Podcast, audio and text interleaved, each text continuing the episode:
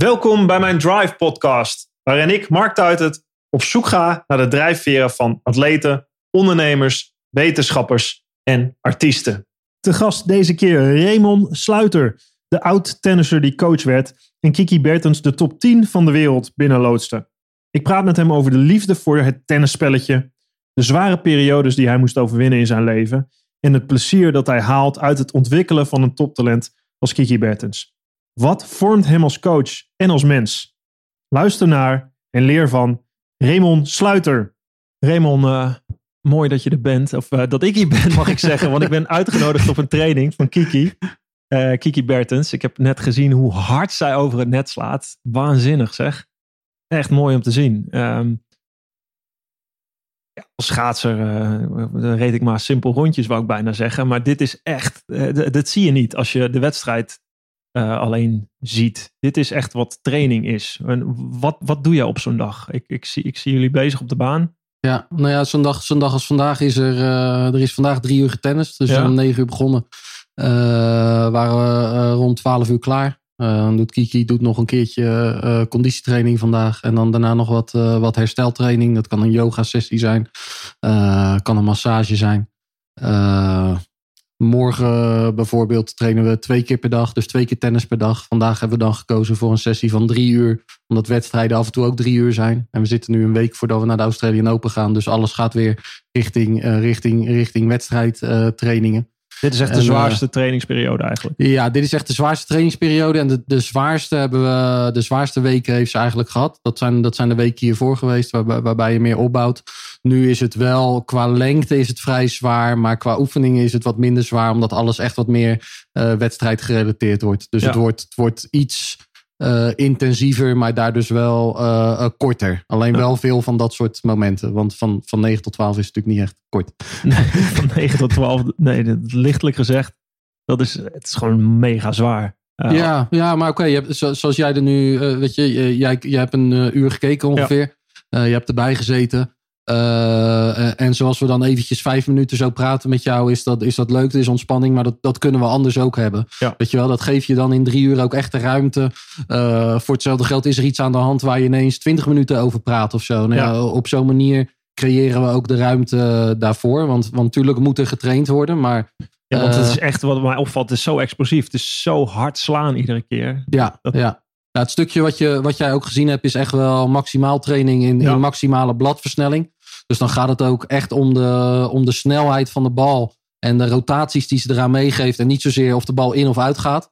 Maar gewoon puur om daar comfortabeler uh, in te worden. Dus uh, wat dat betreft heb je, heb je ook wel het maximale qua, qua snelheid gezien. Maar om een voorbeeldje te geven. Zoals, zoals Kiki nu net die ballen wegslaat. Dat, dat gaat niet uh, minder hard dan Andy Murray of zo. Alleen die, die zit echt meer achter ballen. Die is, die is sneller, fitter, handiger. Uh, maar het gaat per definitie, per definitie niet, niet harder.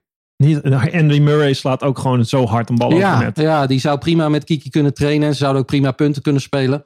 Alleen dan, dan komt er handigheid bij. Dan komt er fysiek, is het natuurlijk echt, echt anders. Ja. Uh, natuurlijk zijn er wel wat spelers die harder slaan. Nadal slaat, slaat echt wel harder. Federer heeft iets meer bladversnelling. Alleen over het algemeen uh, zijn er echt dames. En Kiki hoort daar wel bij. Die, die uh, net zo hard slaan dan een aantal van de heren. Bladversnelling, ja. die ken ik nog niet. Nee, ja, bladversnelling, racketbladversnelling, ja. weet je wel. Uh, zo noemen we het dan. Het is, uh, het is echt de snelheid waarmee je eigenlijk over de bal heen gaat. En ja, je kan eigenlijk heel recht contact maken. Mm -hmm. En dan, dan zit er geen rotatie in. Hè? Als je je blad -hmm. echt recht achter de bal zet. Ja. Uh, alleen dan, dan heeft de bal ook de neiging wat meer te zeilen. En op het moment dat je de topspin aangeeft. Nou ja, Rafael Nadal is het beste voorbeeld. Ja. Die slaat die ballen allemaal voluit. Alleen die ballen komen wel allemaal drie kwart in het veld. Ja. En ja, dat komt dus door de, door de bladversnelling. Een kleine feitje, Nadal die zit geloof ik op 3000 rotaties per minuut. Uh, dus de bal maakt Spint. 3000 omwentelingen uh, per minuut. Jee. Dus dat is echt wel uh, ja, dat is ja. redelijk bizar. Dan ja. moet je echt heel veel over de bal slaan om te ja, laten draaien. Ja, en hem, ook, en hem ook zo vol slaan. En alleen ja, daardoor creëert hij wel, als die bal neerkomt, dan, dan komt hij echt heel hoog op. En daardoor creëert hij al die problemen voor zijn, voor zijn tegenstanders. En wat maakt Kiki zo goed? Nou ja, Kiki speelt, speelt een beetje uh, zoals, een, zoals een, een man. En wat ik daarmee bedoel, eigenlijk die bladversnelling waar we het net over gehad hebben, die topspin in de bal, die, die beheerst zij ook heel goed. En daardoor kan ze op banen waarop het redelijk opstuit, kan ze, kan ze bij de tegenstanders kan ze, hoge raakpunten geven. En over het algemeen vinden, vinden zeker dames vinden het lekker om alles op heuphoogte te slaan. Kunnen ze lekker door de bal heen. Op, op schouderhoogte is dat moeilijker. Nou, dat is echt wel een, uh, dat is echt wel een, een, een sterk punt van Kiki. Uh, en ze is, ze is compleet. Weet je, ze kan serveren, ze kan volleren, ze kan mm. inkomen, ze kan verdedigen, ze kan een keer een backhand slice slaan. Uh, misschien ga ik iets te veel in de terminologie nee. van het tennis nu. Alleen ze is, ze is voor, een, voor, een, voor, een, voor een dame is ze ook echt, ja. wel, echt wel divers. Als je bijvoorbeeld een Serena Williams of een Maria mm -hmm. Sharapova ziet, die, die kunnen bepaalde dingen echt een stuk beter dan Kiki. Alleen die zijn niet zo uh, compleet. Alleen die hebben, die hebben een paar dingen die ze echt, mm -hmm. echt waanzinnig goed doen. Gaan we het zo over hebben nog, over de kwaliteit van Kiki Bertens en hoe jullie dat samen hebben opgepakt. hoe zij ook progressie heeft getoond. Fantastisch jaar achter de rug, jullie.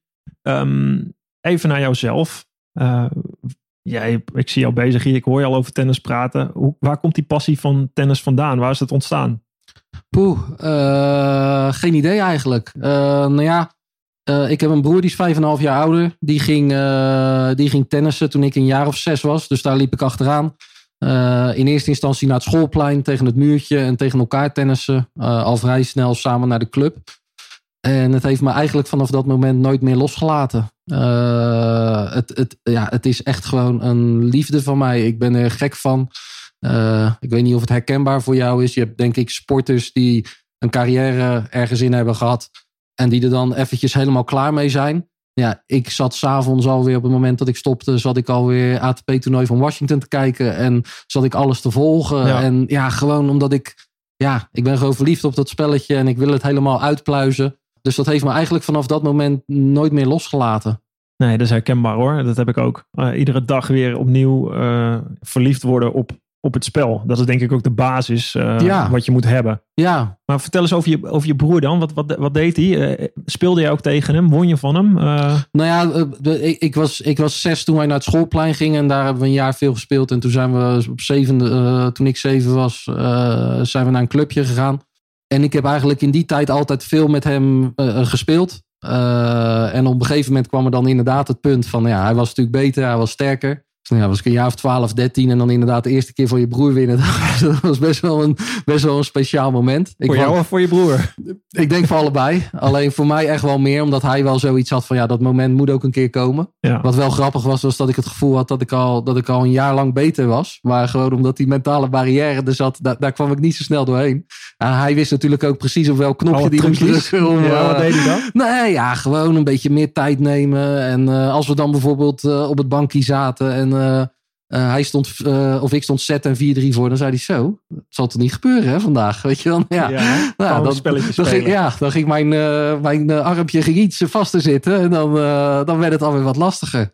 Alleen daardoor heb ik wel ook waanzinnig veel geleerd. Het is een beetje wat ik, wat ik mis nu in de opleiding van vandaag. En dat ja. heb, ik, heb ik een beetje over tennis. Alles wordt heel erg georganiseerd alles is heel erg, uh, nou ja, trainingen zitten, staan heel erg vast. Mhm. Mm -hmm. Alleen wij moesten vroeger afspreken om ja, met mijn broer te gaan spelen of met ja. iemand anders te gaan spelen. En dan moest je zelf moest je die anderhalf uur invullen. En dan kon je punten gaan spelen, maar je kon ook een bepaalde oefening verzinnen.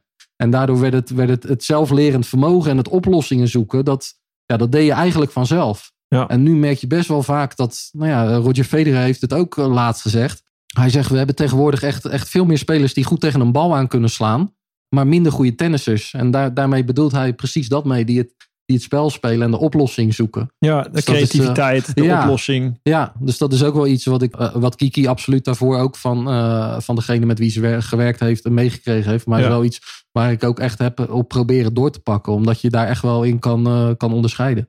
En dat maakt je ook weerbaar, denk ik. Ja, ja, nou ja, weet je, een tegenstander kan iets veranderen, maar weersomstandigheden ja. kunnen veranderen, uh, uh, baansoorten veranderen, ja. publiek kan een factor zijn. Ja. En ja, je wil, je wil met alles om kunnen gaan. En je wil daarin, ja, je, je kan daar op twee manieren mee omgaan. Of je sluit je voor alles af. Ja. Of je, je stelt je open en je neemt de omgeving eigenlijk zoals het is. Mm -hmm. En ik ben echt wel een voorstander van het, uh, van het tweede. En zeker bij iemand als Kiki, die zich wel probeert af te sluiten, maar waarbij toch heel snel iets iets gebeurt waardoor ze afgeleid is. Ja, dan kan je de dingen maar beter laten zijn. Dus is veel makkelijker gezegd dan gedaan. Maar ik, ik weet het, ik dat, weet hoe eh, moeilijk ja. dat is. En er zit heel veel waarheid in. Ik had Guus Hiddink op een podcast, die zei eigenlijk hetzelfde inderdaad. Hij, hij noemt het eh, een soort eh, gecontroleerde chaos. Of Ja. chaos controleren, zodat je mensen ergens toe aanzet, zodat ze het zelf moeten gaan oplossen. Zelfoplossend vermogen eigenlijk. ja, Jij was al getalenteerd dus, hè, toen je, toen je jong was. was. Stond het al vast dat jij een toptennisser zou gaan worden? Nou, het stond wel vrij vroeg vast dat ik ging proberen om een toptennisser te, Te worden. worden. Ja, ja, ja. Ik heb Is het gelukt? Ja, nou ja, ik ben proftennisser geweest Ja. en ik heb mijn, eh, ik heb mijn geld ermee verdiend. Absoluut niet zo dat ik eh, thuis op de bank zou, eh, zou kunnen zitten. Alleen ik heb er die jaren van kunnen leven en ik heb er, ik heb er iets aan overgehouden. Het feit dat ik twijfel op het woord toptennisser Ja. is dat, dat, dat, ja, toptennisser ben ik in Nederland wel geweest. Alleen voor mij is top echt top, top. Is top 20, top 30. En daarmee doe ik eigenlijk de spelers die daarachter zitten tekort. Want die Mhm. werken er ook allemaal keihard voor. Alleen voor mezelf qua ranking en zeker de manier waarop ik, waarop ik mijn sport beleefd heb. Ja, heb, heb ik toch wel zoveel steken laten vallen dat ik, ja, dat, dat ik moeite heb om het predicaat toptennisser eh op mezelf te, te plakken. Daar ben ik benieuwd naar. Maar had je, had je als, als jochie de droom van ik ga Grand Slams winnen? Nee, nee, nee. Ik was te realistisch. Ik had iets meer Amerikaanse inslag eh, moeten hebben. Ik had wel het gevoel dat ik toptennisser kon worden, maar ik had altijd een vrij gebrekkige techniek. Ik speelde aan beide kanten dubbelhandig. Nou ja, als je nu een beetje tennis volgt, dan zie je Ja. niemand meer die zo speelt. Nou ja, dat, Nee. dat heeft een reden, omdat het gewoon niet zo, niet zo gunstig is. Je moet een stap meer zetten om achter de bal te komen. En ik had daarmee altijd wel zoiets van, ja, ik kan het hier zo wel ver mee schoppen, maar ik heb nooit echt groot kunnen Eigenlijk of je- durven dromen.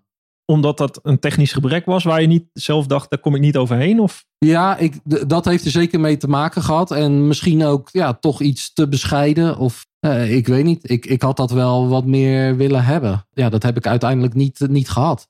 Ik droomde ook als klein jongetje. Droomde ik, eh, nou ja, ik was ballenjongen bij het ABN AMRO toernooi. Het grootste tennistoernooi in, eh, in Nederland. En dan droomde ik dat ik daar een keertje ging spelen. Maar ik droomde niet dat ik het toernooi ging winnen. Nee, grappig zeg. Ja, ja. Want eigenlijk is dat ook waar, ge- waar geworden. Ja, ja, ja. Ja, dat is niet voor niks, denk ik. Nee, denk je dat als je zelf had, had gedroomd en echt had gewild om te winnen, dat je, dat je dan ook had gedaan? He- Heeft het ergens je iets tegengehouden ook? Je Ja. eigen Denk ik wel. barrière? Denk ik wel. Eh, en, en het was ook wel dat stukje realiteitszin. Maar ja, als, als, als topsporter moet je, moet je durven dromen van het hoogste. Wat vertel je tegen Kiki? Nou, dat ze moet dromen om, eh, eh, om, om Grand Slams te winnen. Weet je wel, dat ze, dat ze er nu staat ze nummer 9 van de wereld. En natuurlijk is, is iedere plek op de wereldranglijst nu is, is zwaar. Omdat je daar veel punten voor moet halen om een plekje omhoog te gaan. Dus je zet doelen, bij wijze van spreken, van eerst top 7 en dan top 5. Maar Ja. probeer maar de beste van de wereld te worden. Ja, toch? Ja, weet je, eh, eh, en bij haar is dat best wel lastig om die doelen te zeggen. Omdat ze dan heel snel het gevoel heeft, bij haar is bij wijze van spreken, ze wou als doel stellen om nummer 1 van de wereld te worden. En ze Mhm. Ja. wordt nummer 3, heeft het gevoel dat ze, dat Gefaald ze heeft. gefaald heeft. Ja. Alleen bij mij had dat wel, eh, ja, ik, ik, ik kon dat op de een of andere manier, kon ik, dat, kon ik dat ook niet. En ik heb daar wel, ja, ik vind dat echt wel jammer dat ik dat gedaan heb. Want daarom is er, nou ja, ik heb op een gegeven moment top 50 gehaald. Daarvan had ik altijd zoiets van, dat, dat kan ik wel halen Ja, is best wel heel behoorlijk. Als je kijkt naar de geschiedenis van, van Nederlandse tennissers, is dat, is, is dat echt wel, ja, eh, heb je het echt wel redelijk gedaan. Alleen vanaf het moment dat ik top 50 haalde, is het ook minder gegaan. ja. Eigenlijk alsof er een soort eh, ja, tevredenheid over je heen komt. Ja, tevredenheid voor een topsport is natuurlijk echt funest. Ja, en vanaf dat moment is het, is het aflopende, aflopende zaak geweest. Afgelopen, maar hoe, hoe zat het dan? Je trainde toch ook gewoon hard? Waar, waar lag de crux waarop jij eigenlijk dacht van, nou, het is wel goed zo. Ik ga niet een stap verder. Waar, waar zat dat in? Nou ja, dat, dat zat. eh, ik, heb, ik heb altijd hard getraind. Ik heb tot mijn, tot mijn 23ste heb ik, eh, heb ik dagen gedraaid zoals Kiki draaide. Alleen het stukje waarvan ik net tegen jou zei, het stukje verzorging aan het einde van Ja. de dag, massage. Hè, ga eens eh, in de sauna zitten, een paar uurtjes, eh, dat soort dingen. hersteltraining, doe- wat yoga. Ja, dat, dat was in die tijd ook wel iets minder, moet ik eerlijk zeggen. Ja. Alleen ik was dan ook wel de eerste die zei van, ach joh, schijt toch uit met die onzin. Morgen gewoon weer lekker beuken. Weet je wel, en dan de volgende dag gewoon weer, wanneer je gaat inserveren, niet rustig opwarmen, maar gewoon weer 190, 200 blazen met die eerste service. Ja. Ja, gewoon een beetje lomp beuken eigenlijk. Ja. En, en dat heb ik eigenlijk ja, tot, tot mijn 23ste gedaan. en daarna is er eigenlijk een klein beetje de sleet opgeraakt. Ik ging in, in Amsterdam trainen. ging met een trainer werken die in Amsterdam woonde. Daar waren voor de rest ook alle, alle proftennissers die daar mhm. woonden. Dus het was qua omgeving beter. Alleen ja, ik wilde in Rotterdam blijven wonen. Uh, ja, dat hield in die tijd in, uh, want dan hebben we het over uh, 16, 17 jaar geleden. Dat je iedere dag met heen en terug drie uur plus in de auto zit. Nou, ja. ja. dat is natuurlijk niet, dat is niet goed. Nee. Dus daar had ik andere keuzes moeten maken. Had ik of met een trainer in Rotterdam moeten gaan werken, of ik had in Amsterdam moeten gaan wonen dat had een professionele beslissing geweest. Ja. dan, dan kan ik nu wel heel tof zeggen als Rotterdammer. Ja, ik ben lekker die in Amsterdam gaan wonen. Yes, ik ben een echte Rotterdammer. Dat kan dan wel zo zijn. Alleen professioneel gezien was het, uh, was het niet de juiste beslissing. Had je niet zelf een coach om je heen of iemand om je heen die dit tegen je zei? Van Raymond, jij kan winnen, maar dan moet je dit voor doen en dan moet je dit voor laten? Ja, mm, wel. Uh, wel op een uh, iets subtielere manier als dat ik het, het, het, zelf doe. Want ik kan bij Kiki, ben ik ben rustig, ik ben geduldig, maar als ik er hard in ga, die momenten kan ze zich feilloos, feilloos herinneren. Ja. En dan blijft het ook echt wel hangen. Uh, dat had ik, destijds had ik dat wat, uh, had hij dat wat minder. En, en ik was ook wel echt stront eigenwijs uh, wat dat betreft. Had het geholpen als iemand dat keihard tegen jou had gezegd? Of had, het, had je dan gewoon je, je, je hak in het zand gezet? Dat weet ik niet. Alleen ik had destijds inderdaad die keuze wel willen hebben. Weet je wel. Van mm -hmm. hé hey, ouwe, zoals dit, zoals dit nu gaat. Weet je wel. Ga, ja. je, ga je echt geen stappen meer maken. Uh, helemaal prima. Als jij de rest van je carrière 60, 70 wil staan. En dan kan je nog steeds je geld verdienen. Ja. Je, je, speelt wat, wat competities in het buitenland. Daar kan je ook extra geld verdienen. Uh, is ook een keuze. Maar de, de, dat je die keuze dan echt bewust maakt. Weet je wel? Niet dat je het eigenlijk maar, maar laat gebeuren een beetje. Precies. En dat is eigenlijk wel een beetje wat ik, uh, wat ik bij mezelf heb, heb toegelaten. Je hebt het toegelaten en dit is eigenlijk allemaal een beetje Moi. Ja, ja. en eigenlijk op het moment na, na een jaar of uh, drie, vier dat ik, dat ik voor mezelf zoiets had van oké, okay, het is nu het is stoppen of, ja. of het echt op de juiste manier doen nog een aantal jaar. Uh, ja, toen kregen wij twee weken later te horen dat uh, het dochtertje van mijn broer een, een hersentumor had. En dat ja. zij binnen een jaar zou overlijden. Dat, dat gooit je hele wereld ondersteboven. En dan, ja, dan, toen, toen kon ik niet meer 30 weken per jaar in het buitenland tennissen. Dus toen heb ik, ja, toen heb ik de, de puntjes eigenlijk bij elkaar opgeteld. En heb ik zoiets gehad van ja, oké, dan, dan stop ik er ook maar gewoon mee. Want ik ben al 28. Maar waarom, waarom kon je dat niet? Want ik, ik, ik snap het heel goed. Ja. Verdriet heb ik ook mee te maken gehad in mijn leven. Um, als je als topsporter moet je dingen naast je neer kunnen leggen. Moet je moet je, je kunnen blijven focussen. Ja. Moet je verder gaan. Waarom? Ik, ik kan me voorstellen dat het ontzettend heftig is. Maar waarom, waarom trekt jou dat zo aan? Ja, is, is een uh, manier ook waarop ik, uh, waarop ik opgevoed ben. wat wat denk ik in bepaalde kanten een pluspunt is. Alleen inderdaad in topsport, zoals jij het heel terecht en dan misschien wat, wat hard, maar wel echt terecht zegt. Ja, daar, daar, daar moet je dan die keuzes in maken. En ik had die keuze ook wel kunnen maken. Het enige mm -hmm. wat ik thuis kon doen was, was steunen. En, en nou ja, ik, ik ben er in die tijd ook wel heel veel geweest voor, uh, voor hun zoontje die, die zes was. En waarvoor je toch eigenlijk wil dat het leven zo normaal mogelijk doorloopt, voor, voor zover dat überhaupt mogelijk is. Dus ik heb absoluut geen spijt van die keus. Uh, ik ben alleen wel veranderd in de zin van waar ik in die tijd bijvoorbeeld dacht, als iemand in dezelfde situatie wel door had getennist, had ik gedacht van jezus joh, wat een harde, wat een harde gozer joh, wat een, uh, wat een ja. lul misschien wel. En daar denk ik nu heel anders over. Nu denk ik van fuck, uh, respect dat je, dat je in, hè, want je zit er wel mee, respect dat je het, dat je het op kan brengen om je sport gewoon nog ja. de volle bak te, te gaan doen. Ja, hoewel dat moet je bijna doen als je topsport bent. Hoewel ik jouw keuze ook weer ja, prachtig vind. Je bent er voor je broer, je bent er voor je familie. Uh, hoe, je zegt het komt uit opvoeding. Wat is dat dan? Nou ja, opvoeding, uh, en dat, dat, dat ligt aan mijn moeders kant. Ik ben, ik ben uh, opgegroeid, opgevoed met het idee dat van iemand houden betekent zoveel mogelijk bij iemand zijn. En dat is natuurlijk best wel lastig als je proftennisser bent. Want dan, ja. dan, ben je, dan ben je verdomd veel weg. En zeker op het moment dat er, dat er iets met, met iemand aan de hand is. Weet je wel, als, als iemand ziek is, dan, ja, dan is het niet uh, uh, twee keer in de week langs gaan als je thuis bent. Maar dan is het, dan is het iedere dag langs gaan. Alleen daarin kan je jezelf natuurlijk ook heel erg voorbij lopen. Ja. Uh, en, en zet je ook je eigen leven on hold. Wat, een, wat, wat iets heel moois is. Want je, je wil er voor iemand zijn. Alleen ja, de, de vraag is of je, of je dat kan op blijven brengen. Ja, trek je jezelf niet helemaal mee in het verdriet nou ja, van iemand anders. Dat is, dat is wat er bij mij gebeurd is. Weet je wel, mijn, mijn opa en oma zijn, uh, mijn opa, mijn oma en mijn nichtje zijn in een periode van, van, van twee jaar overleden. En daar heb ik heel veel energie in gestopt. Had ik ook, nou ja, ik, ik heb er geen spijt van.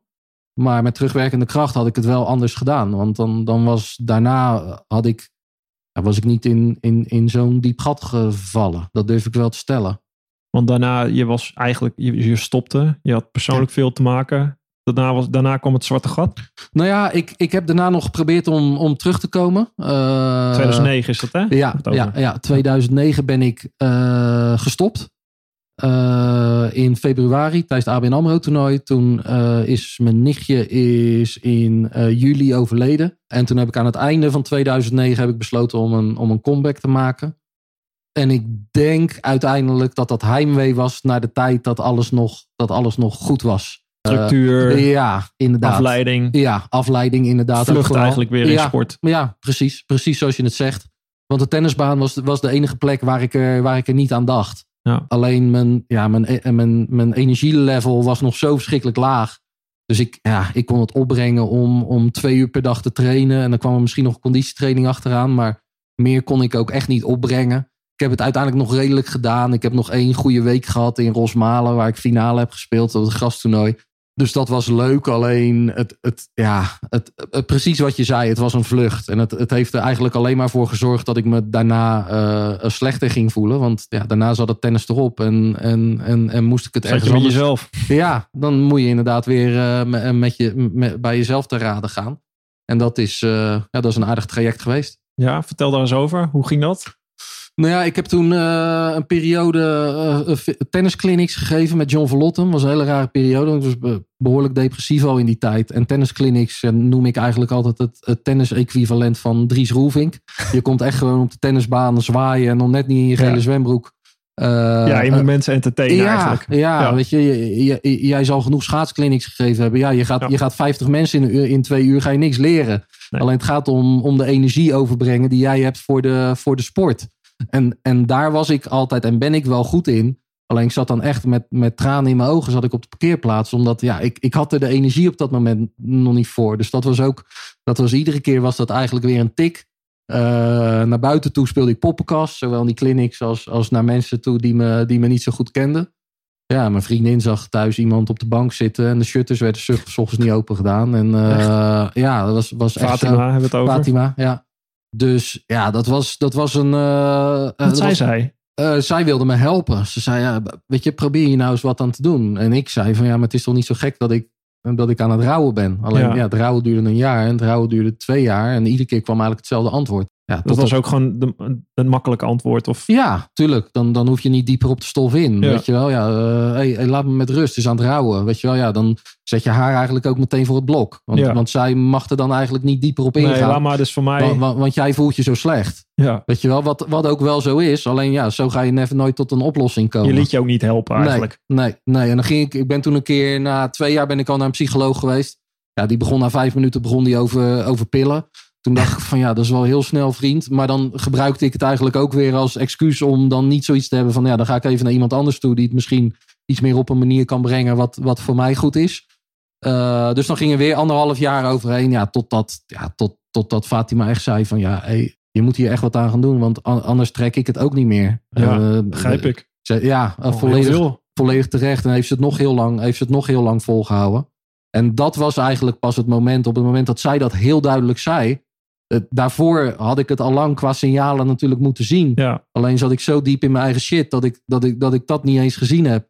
Uh, dus dat was echt het moment voor mij van oké. Okay, ja, Zij moest je echt erbij trekken, gewoon ja, wakker schudden. Nu, nu, ga je er wat aan doen. Ja. En ja, toen wilde ik er ook zelf wat aan doen. En toen was, ja, toen ben ik naar een psycholoog uh, ben ik gegaan. En uh, heb ik ook medicijnen gehad om de scherpe randen ervan af te halen. En ben ik eigenlijk ja, binnen, een, binnen een jaar ben ik me echt wel weer, uh, echt wel weer goed gaan voelen. Je hebt echt de, de knop om kunnen zetten. En, en wanneer hebben we, dat, dat heb je drie, vier jaar mee gekampt, zo'n beetje. Hè? Ja. Je ging je beter voelen, zeg je. Um, uh, Fatima, uh, die, die, is dan belangrijk. Oud topsportster natuurlijk. Hoe, hoe zag dat eruit, die weg omhoog? Waar begon het weer? Waar begon het weer een beetje licht te worden? Nou ja, de, de weg omhoog begint denk ik vooral uh, bij het moment dat je zelf zoiets hebt van dit, dit, dit kan niet langer zo. Ik denk op het moment dat je echt zelf zoiets hebt. En ik had het duwtje van Fatima nodig. Alleen ik had zelf ja. het feit dat zij zich zo slecht voelde. En dat zo duidelijk naar mij uitsprak. Was bij mij meteen van fuck, ik moet hier nu iets aan doen. Ik wil hier iets aan doen. Want ik, ik wil mezelf inderdaad ook beter voelen. Maar ik wil ook niet dat, dat zij zich zo slecht voelt. En ik denk op het moment dat je die beslissing maakt, nou, dan ben je bijna al halverwege. Want dan, Ja. dan ga je, dan ga je je hulp het. zoeken. En dan, dan laat je je probleem toe. En dan, dan mag het er zijn in plaats van dat je, dat je, het, dat je het wegstopt. En toen, door, wat, door, door veel sessies met een psycholoog, ja, ben ik er steeds meer achter gaan komen van ja, waarom, wa- waarom heb ik die gedachtes? Weet je wel, waarom denk ik als ik me slecht voel eh, omdat mijn nichtje er niet meer is, waarom denk ik dan meteen aan mijn broer? Eh, Ja. En hoe slecht hij zich wel niet moet voelen. Waardoor ik voor mezelf eigenlijk, ja, kan ik naar mezelf verkopen als ja, hartstikke lief dat ik aan mijn broer denk. Ja. Maar ik ga mezelf er alleen maar slechter door voelen. Weet je, en ik creëer voor mezelf eigenlijk alleen maar een, een spiraal, naar beneden waar, Ja. ik, waar ik niet meer uitkom. Eh, waar komen die gedachten vandaan en hoe kan ik ze eh, blokken? Of hoe, hoe kan ik het punt ergens eh, pikken van ja, oké, nu denk ik daaraan, maar nu is het klaar. Wat kan ik gaan doen om, om, ja, om die gedachten eventjes te laten en, en, en, en meer ruimte te creëren voor, voor ontspanning? Nou ja, Hoe heb je dat gedaan? Welke, hoe bijvoorbeeld, als die spiraal naar beneden gaat. Ik zit even te denken, als je maak je niet zozeer zorgen over je eigen pijn, maar meer over Ja. de pijn van iemand anders die Ja. erin zit. Wat Ja. natuurlijk weer heel slecht is om.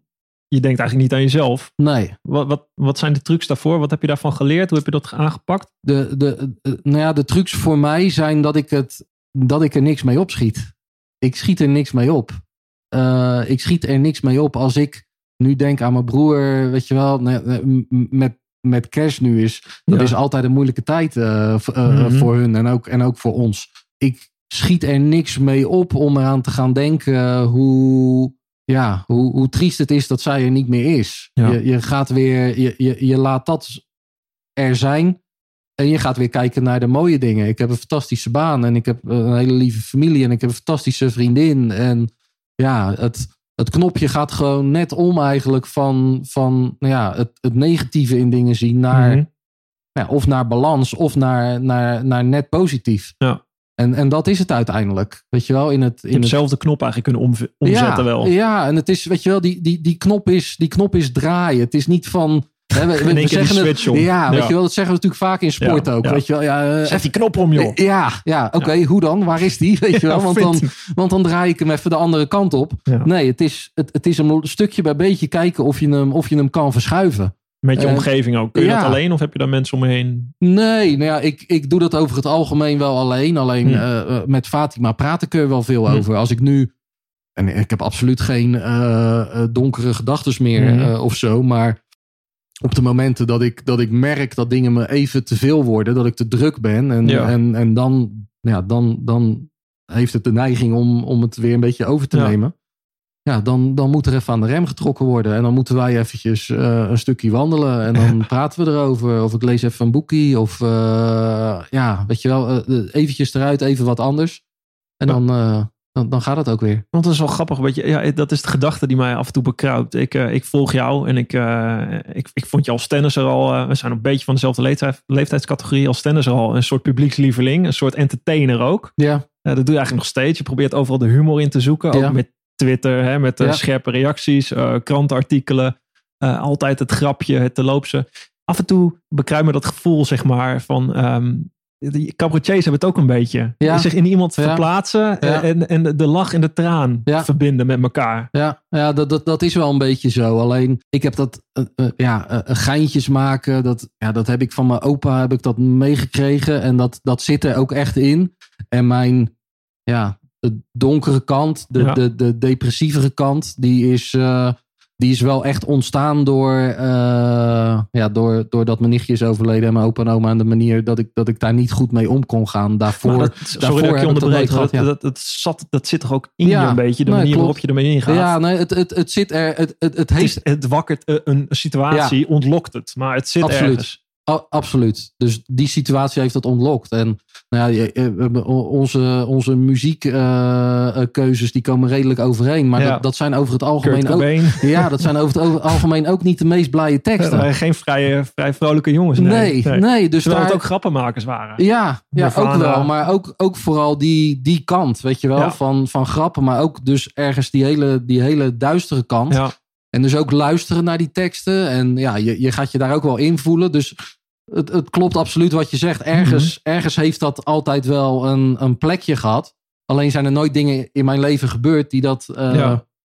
die dat meer naar de oppervlakte hebben laten komen. En ja, uit, uiteindelijk dus wel. En nu kan ik er, ja, ik, ik kan nooit dankbaar zijn voor, voor wat er met mijn nichtje gebeurd is. Maar wel dankbaar voor de, voor de lessen die ik, die ik, die ik eruit heb, heb geleerd. Ja, mooi. Is humor daar ook een, is dat, is dat een bepaalde manier om ergens mee om te gaan ook?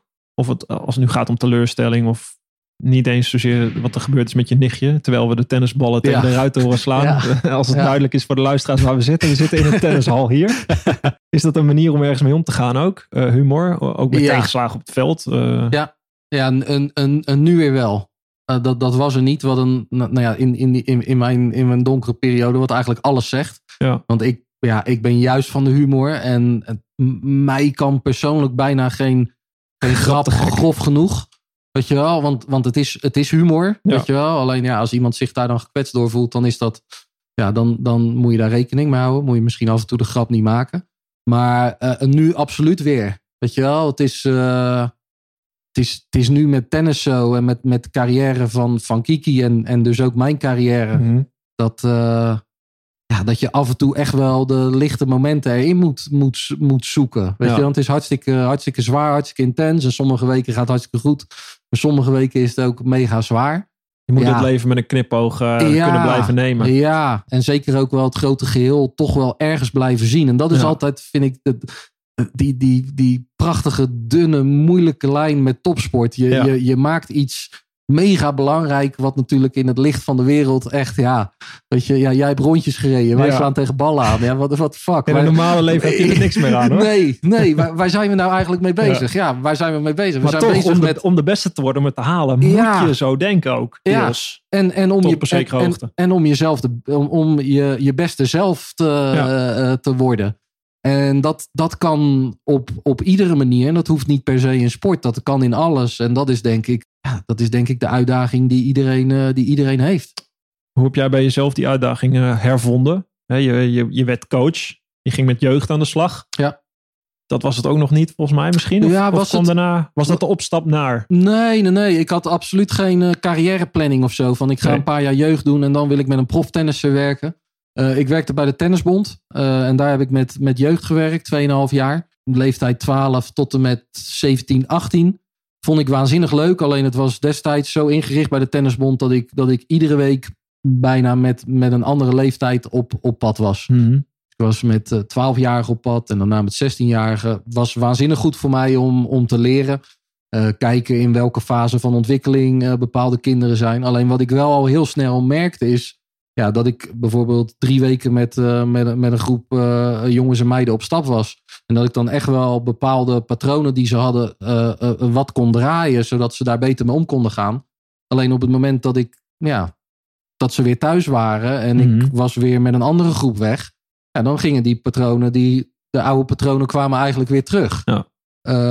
dus, dus je ik, kon niet echt werken aan de ontwikkeling van. Nee, Nee, weet je, en, en, niet zo dat die ontwikkeling thuis niet werd gedaan, maar dat werd dan weer ja. op een andere manier door een andere trainer gedaan. Nou ja, met 12 of 14-jarigen, weet je wel, ja, ik kan tegen een 12-jarige zeggen van raak die bal iets verder voor je. Ja. En jij kan zeggen begin iets eerder aan je voorbereiding. Dan bedoelen we hetzelfde.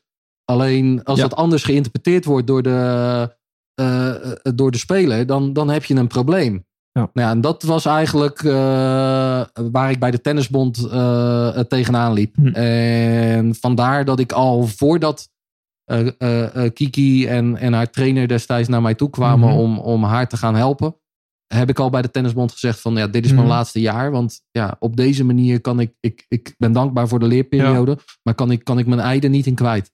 Maar je wist al wel eigenlijk van ik wil wel tenniscoach worden. Dat was, was, was, was, was het je duidelijk dat dat je roeping toen al was? Nee, maar wel uh, ja, die, die liefde voor uh, het spelletje. Dus dan, ja, dan, dan kan je na je carrière kan je coach worden. Je kan trainer worden. Je kan een tennisschool beginnen in Nederland. Je kan clubtrainer worden. Je kan misschien uh, verslaggever worden Ja. op, de, op de tv. Alleen ik merkte wel dat ik het waanzinnig leuk vond om, om en met tennis bezig te zijn en mensen te helpen. Ja. Ja, als trainer, als coach is, is die combinatie natuurlijk, ja, dan, dan kan je het niet beter hebben als Nee. dat je tenniscoach bent. En toen kwam Kiki langs. Ja, nou ja het, het kriebelde bij mij wel in die zin. Omdat wij in die tijd hadden we, denk ik, een speler of vijf, zes in Nederland. Waarvan ik zoiets had van, ja, als die echt goed begeleid worden. Je had Igor Sijsling destijds, die stond uh, rond de 100. Je had Timo de Bakker, die stond 150. Arangsta Rus, die stond 150. Isjo Hogekamp stond rond de 150. Kiki stond rond de 100. Ik had bij al die spelers wel zoiets van... Uh, ja, als die goed begeleid worden, dan, dan is daar meer mogelijk. Kunnen ja. ze echt minimaal 50 plekken hoger staan allemaal. En ik had wel zoiets van... Ja, ik denk wel dat ik, dat ik daar een aangewezen persoon voor, voor ben. En het is eigenlijk helemaal niks voor mij om dat zo uit te spreken. Alleen, ja, daar was ik altijd wel van overtuigd, toch? Grappig, ja. ja. ja. Gerard van Velde, die had dat ook. Die, die dacht van, ik, um, ik kan de sprinters in Nederland op een hoger niveau krijgen op de 500 meter. En ik weet dat ik dat kan. Ja. Ook die overtuiging. Terwijl ze, hij heeft, had het nog nooit gedaan, maar wel uit zijn eigen ervaring. En wat, wat maakt jou dat jij dat denkt? Is dat gewoon ook hoe die uh, tennisters toen trainen? Dat jij denkt van, ik kan hier fulltime het verschil gaan maken? Ja, ja, nou ja. Bij Kiki was dat in die zin vrij... Uh vrij makkelijk om het verschil te maken. Omdat hij een. Uh, nou, die komt uit een situatie waarin ze eigenlijk haar hele leven met één trainer gewerkt heeft en één coach. Uh, Hoe oud was ze toen? toen was ze een jaar of negen. Toen ze daarmee begon. En, en ze was, even kijken, ze is nu 27. Ze was 23 toen ik. Uh, 2015 was dat. Ja, ja, ja. ja.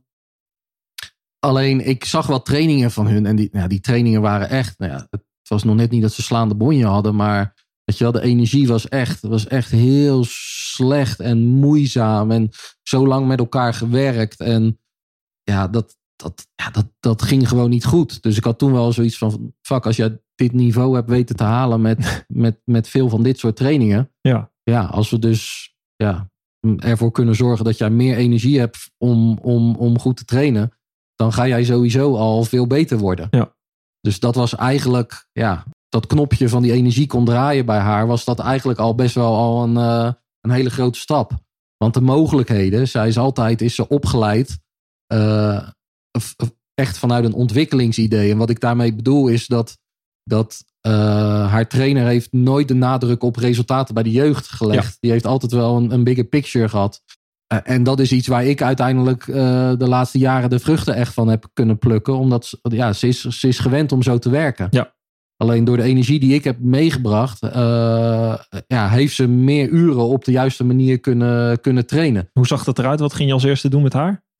Ik ging eerst eens kijken wat ze aankon. Ik heb trouwens sowieso. Belastbaarheid, training. Ja, ik heb sowieso eerst gekeken. Weet je wel? Want ik heb best wel een hekel aan mensen die ergens binnenkomen en meteen zeggen hoe het moet. Weet je, het is, het is uh, één ding om te zeggen van ja, oké, dat is niet helemaal goed. Ja, dat, dat zien we allemaal. Maar hoe ga je het veranderen? Hm. En eh, veel interessanter is denk ik, ja, hoe is dat tot stand gekomen dat dat niet helemaal goed gaat? Ja. Want als je dat weet, dan kan je er makkelijker wat aan doen. Dus ik heb, ik heb eerst heb ik gekeken uh, hoe ze werkte. Uh, ben een aantal toernooien mee geweest. De eerste zes toernooien die ik meeging, verloor ze eerste ronde. Dus als ik voetbaltrainer was geweest, dan had ik al, uh, had ik al weer thuis gezeten. Buiten de deur. Ja.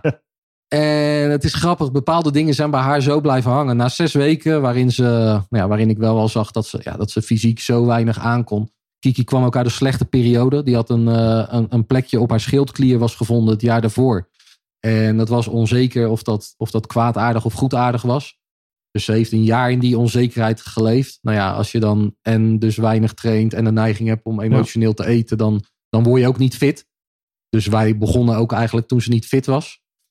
Nou ja, toen zes keer eerste ronde. Toen zaten we terug in het vliegtuig. Toen zei ik tegen de, ik zeg, nou ja, zes keer eerste ronde. Ik zeg, maar ik zou je zeggen, ik heb echt een leuke tijd gehad. En dat heeft bij haar heel veel gedaan. Dat ze echt zoiets had van, hoe kan dat nou? Ik zeg, ja, we hebben toch we hebben goed gewerkt en we hebben goed gepraat over dingen. En uh, ja, ik heb echt wel het gevoel dat we een stap verder zijn. Alleen qua resultaat hebben we het nog niet gezien. Nou ja, toen gingen we, toen wilde zij eigenlijk nog een paar toernooien spelen de rest van het jaar om uh, uh, hoofdtoernooi op de Australian Open te halen. Ze stond 110 op de wereldranglijst. En de eerste 104 worden rechtstreeks toegelaten. Ja, dat is een groot verschil qua geld. Eerste ronde kwalificatie is 5000 euro. Eerste ronde hoofdtoernooi is 45.000 euro. Dus ik snapte volledig dat, zij, uh, dat ze daar nog voor wilde gaan. Alleen nog drie weken uh, toernooien spelen had ingehouden. Dat als ze daarna twee of drie weken vakantie had gehad, dat wij ons drie weken hadden kunnen voorbereiden op het nieuwe seizoen. Ja, dan had fysiek echt een, hele behoorlijke achterstand.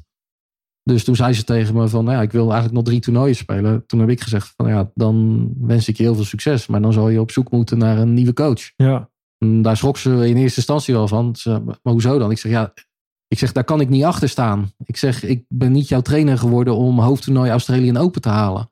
Ik zeg, als wij naar top 50 willen en als we meer willen, dan, dan zal jij fitter moeten worden. En dan zullen we daarin moeten investeren.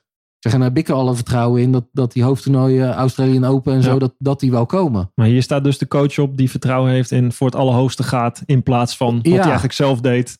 Ja, precies. Niet dat laatste stapje zetten. Ja. Dit is precies het verschil in keuze dat je dan moet maken. Ja, en dat zijn, ja, dat, zo zijn er een aantal momenten geweest in, mhm. eh, ja, als ik het onze carrière mag noemen eh, met Kiki. Ja, waarin ik, ja, waarin ik uh, die keuze niet schuw. Ja. En dat is best wel een, een, een, interessante in tennis, omdat ik, ik word betaald door Kiki. Ja. Dus ja, ga je, dan, ga je dan regelmatig de confrontatie aan ja, met het risico dat je morgen op straat staat en, uh, en het klaar is en je naar een andere baan op zoek moet. Ja, dat is voor mij heel simpel. Dan kan je jezelf als coach niet serieus nemen als je daar rekening mee houdt. Dus, uh, nee, want het allergrootste belang is toch het sportieve belang wat jij voor ja, haar hebt. Dat, dat is het, weet je wel. En dat is, uh, nou ja, ik, ik zei het net ook tegen je, dat is, dat is echt eervol om dat te mogen doen. Weet je, het traject waar wij nu mee bezig zijn en als je ziet de transformatie die Kiki heeft gemaakt van iemand die eigenlijk uh, die alleen maar wilde horen hoe het, hoe het moest. En eigenlijk alleen maar instructies wilde opvolgen. In plaats van je carrière echt in je eigen hand nemen. En zelf nadenken over, goh, wat is goed voor mij. Uh, dat, ja, dat is zo waanzinnig tof om, uh, om te zien. Het is eigenlijk wat je in het begin zei van de sporter die niet alleen maar de instructies krijgt, maar die zichzelf weet te ontwikkelen ja. en heft in handen neemt. Ja. Want wat als je haar vergelijkt met hoe het in het begin was en hoe je er nu zo op de baan ziet? Nou, het is, zo'n wereld van verschil.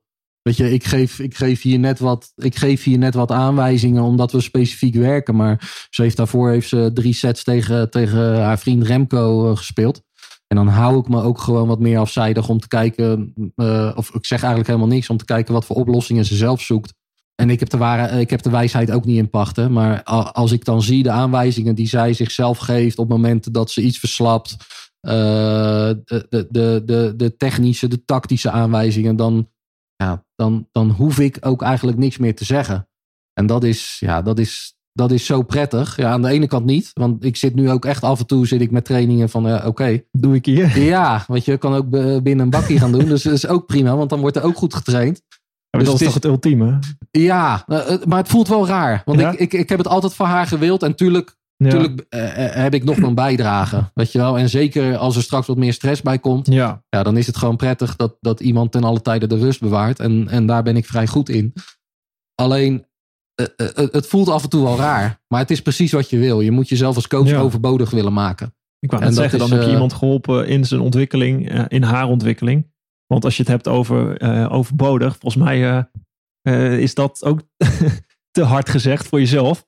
Als ik, ik, ik, heb een fragment gezien, laatst nog, oh, dat was op Fox, dat jij haar toespreekt. Um, en dat, gaat, dat is echt gewoon een mental, ja. even mental coaching is dat. Ja. Ze ziet het niet zitten volgens mij op dat moment. En jij stapt op de baan op, wat volgens mij in het tennis ook niet not done is? Of überhaupt nee, misschien nee, het, het, mag nu sinds een paar jaar. En het mag alleen bij, uh, bij de dames. Bij, bij, de heren mag het niet. Bij de dames is het zo. Niet op de Grand Slams, want die vallen onder de ITF. Maar bij de, alle andere toernooien van de hm. WTA mag je één keer per set mag je de baan op. En uh, Kiki beslist wanneer ik de baan op Oké. Dus ik beslis dat niet. Dat ja. mag alleen Kiki beslissen. Dat zei zij toen. Van, uh, ja. Ik heb je nodig, Raymond. Ja, ja, ja. ik zit daar altijd een beetje dubbel in. Omdat... Uh, op het moment dat zij mij roept, gaan de dingen niet goed. Ja. Ik, ik kan eigenlijk niks fout doen. Zo simpel is het, want het gaat al niet goed. Ja.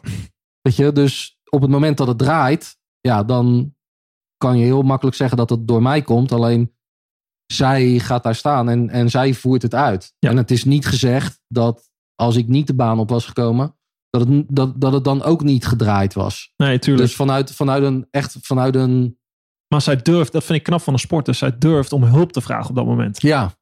Dat is toch ook een kracht? Je kan ja. denken, nou, ik uh, zoek het uit, ik los het wel op hier. Alleen het, uh, het moment daarvan is, is heel interessant. En daar begint Kiki ook steeds beter in te worden. Want je moet inderdaad om, om hulp vragen op het moment dat je er nog, dat je er nog bij bent. Ja. je kan natuurlijk ook in een bepaalde paniekstaat komen. En Ja. Dan, ja, dan kan je wel om hulp vragen, maar dan, ja, dan, dan kunnen we beter de ambulance bellen, want dan, dan kom je er toch niet doorheen. Mhm. Eh, eh, ja, als er iemand doorheen komt bij haar, dan ben ik het wel. Omdat ik, ja, ik heb, ik heb alle 723 manieren ben ik nagegaan om haar te bereiken. Dat wou ik net zeggen. Jij weet Ja. precies aan welke knopjes je moet draaien. ja, ja dat, dat, dat, dat weet ik absoluut wel. Alleen eh, het, het zelflerend vermogen, het oplossend vermogen waar we het over gehad hebben. Ja. Weet je, ik vind het ook juist goed als zij mij af en toe niet roept. Ja. Waar het misschien resultaatgericht het beste zou zijn dat ze me na drie games al zou roepen. Ja. Ja, wil je eigenlijk voor het oplossend vermogen van de speler, mits zij rustig blijft, van Mhm. oké, ga maar kijken, ga het maar zelf oplossen. Ja. Alleen Die Ja. momenten kom je alleen in een wedstrijd tegen. ja, die kom je alleen in een wedstrijd tegen. En het is nu natuurlijk wel zover, weet je wel, dat, eh, dat, dat kan in het begintraject, in de ontwikkeling met een speler, kan het nog heel makkelijk. Ja. Want je, je bent ergens naartoe aan het werken. Ja, je, je- zal dat wel herkennen. Ja. Eh, hè, eh, je zal bij een World Cup zou je ook Ja. even wat kunnen proberen. Maar ja, Ja, op het maar moment dat die Olympische Spelen leveren. komen, Je moet winnen. dan moet het, ja, weet je wel, dan, dan, dan moet het gewoon gebeuren en moet het kloppen. En wij komen natuurlijk nu ook wel steeds meer op, op het punt dat het, dat het gewoon moet kloppen. Ja, uiteindelijk wil je wel die wedstrijden winnen. Ja. Ook de allergrootste. Ja, en, en dat is interessant, omdat die, ja, die, dat traject van, van waar ontwikkeling misschien in eerste instantie echt nog wel boven resultaten staat. Ja, Ja. Die, die weegschaal gaat steeds meer doorslaan naar resultaten. Ja. Alleen je wil daarin wel blijven ontwikkelen. Ja. En, en die balans blijven vinden is, eh, is moeilijk, maar ja, wel, wel waanzinnig tof. En wat, eh, wat typeert jou eh, als coach? Waar ben jij goed in?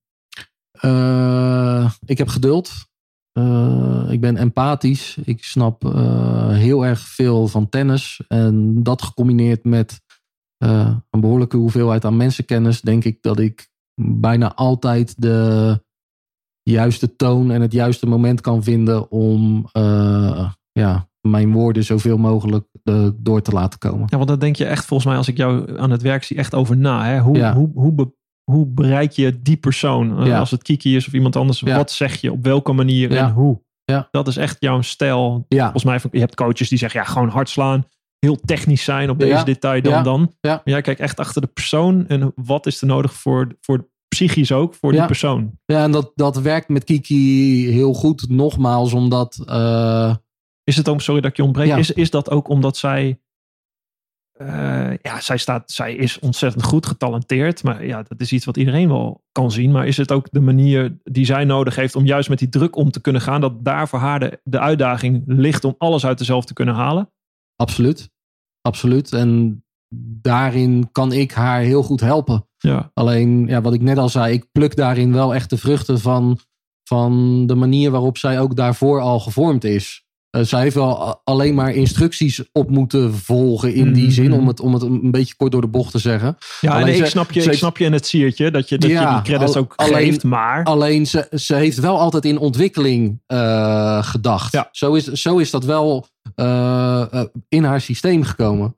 En ja, ik ben nu veel meer met de ontwikkeling van haar, ja, van haar brein en van haar persoon bezig. En tuurlijk zijn wij met, met tennis bezig. ja.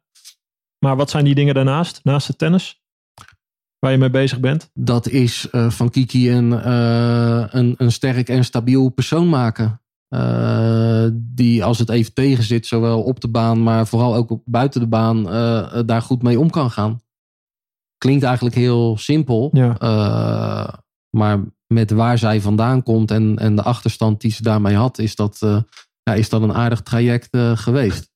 Snappen mensen dat, denk je, de buitenstaanders? Als je, als je weet wat er, onder wat voor druk je staat als topsporter. eh, En wat je ervoor moet doen en laten. Ja, als topsporter niet helemaal, maar mensen die zelf sporten, Mhm. op, op welke manier dan ook, eh, denk ik wel. Als jij eh, één keer in de week voetbalt en jij bent linksbuiten bij uh, uh, Schubbekutte V4 en, je staat op, en je staat op zondag sta je uh, linkshalf. En jij krijgt die kans uh, ineens voor, alleen voor de keeper. Ja. Dan ga je blokkeren. Ja. Iedereen heeft dat. Iedereen blokkeert en iedereen denkt wat er gebeurt. Iedereen die clubkampioenschappen speelt Mhm. mm -hmm. op TC Schiebroek. Uh, niveau Nou, er 7 zijn ook of genoeg 8. studenten of mensen die een examen hebben of ergens choken onder druk. Hè, voor voor een Grand Slam of Olympische Spelen is extreme druk. Maar voor iedereen kan een druk al... Sollicitatiegesprek. Precies. Weet je wel, uh, dat soort dingen. En daar gaan wij natuurlijk best wel eens aan voorbij. Ik denk als, als mensen iets meer de moeite zouden nemen om, om als ze iemand zien falen of iemand het niet zien halen in Ja. sport. Om dan eens eventjes naar jezelf te gaan en te kijken van ja, eh, eh, eh, hoe ben ik in, in drukvolle situaties? Dan snap je het eigenlijk al. Ja. Alleen wij zijn in sport en sterker nog, ik ben, ik ben in voetbal ben ik jarenlang hetzelfde geweest. Dat ik echt denk van jezus man, dan zat ik weer in de kuip en dacht ik man, je kan die bal toch wel gewoon op de juiste snelheid inspelen. Alleen Als op de keeper. supporter Ja, heb je ja. genoeg van zulke momenten. Ja, ja absoluut. Maar nu denk ik daar echt wel, echt, of tenminste, ik dacht er wel heel anders over. Het is dan gewoon de emotie die overneemt. Precies. Maar nu oordeel ik echt veel minder snel. Omdat je gewoon, ja, je, je, je weet het niet. Nee. Weet je wel? Maar, maar als je de moeite doet, en daar, dat is denk ik mijn kracht als coach. Maar ik denk ook wel als mens, over het algemeen, als ik rustig in mijn vel zit. Hmm. En eh, iemand neemt bij mij voorrang met, met 90 km per uur en die scheurt die hoek om. Dan probeer ik altijd te denken, misschien is zijn vrouw wel zwanger en moet hij naar het ziekenhuis. Want dan blijft het voor mij ook rustig. Maar ik kan hem ook helemaal de tyfus schelden, kan er achteraan rijden een Wat verhaal ook heel gaan halen. begrijpelijk zou zijn. wat ook begrijpelijk Ja. zou zijn.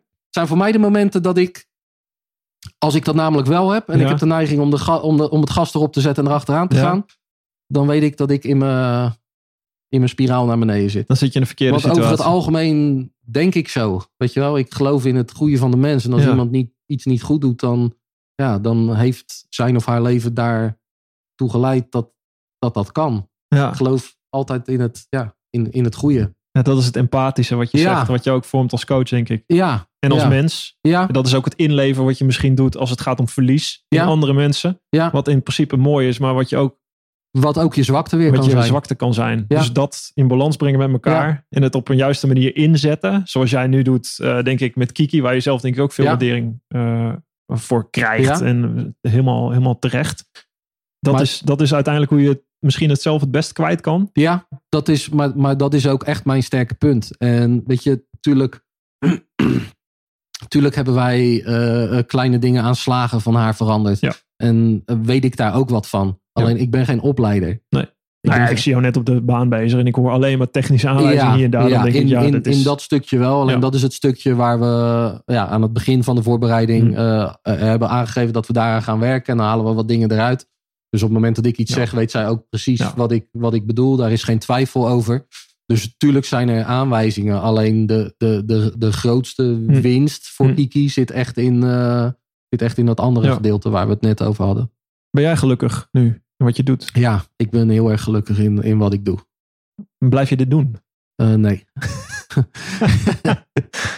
nee, ja, het Dat is ook een tegenstrijdigheid. Ja, ja omdat ik, het, ik vind dit echt waanzinnig leuk om te doen. Alleen de, de offers die de sporter moet brengen, eh, Ja. zijn er ook voor mij. Jij zit op eh, kerstdag in, de, in het vliegtuig Ja. naar Australië. Ja, en, en we zitten de afgelopen drie jaar zitten we op eh, eh, 32, 33 en 34 weken per jaar in het buitenland. Ja.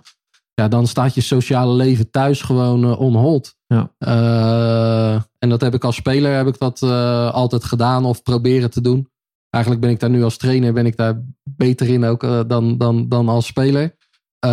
Alleen het is wel iets waarvan ik zeg van ja, dit, dit zou ik niet nog 15 jaar willen doen. Ja. Dus dan zit je weer eerder te denken aan eh, het opleiden van, van jeugd in Nederland. Misschien tennisschool, misschien terug bij de tennisbond. Eerst Alleen- nog een paar prijzen winnen met Kiki. Nee, ja, dat, dat sowieso. Daar gaan we voor. Dan- Weet je wel, dit... eh, nou, alhoewel, als je, dat bedenk ik me nu. Als jij nou kan gaan van, als, je, als jij toch zo kan trainen dat zij dat zelf op gaat pakken, ben je misschien ook minder echt daar nodig op het moment.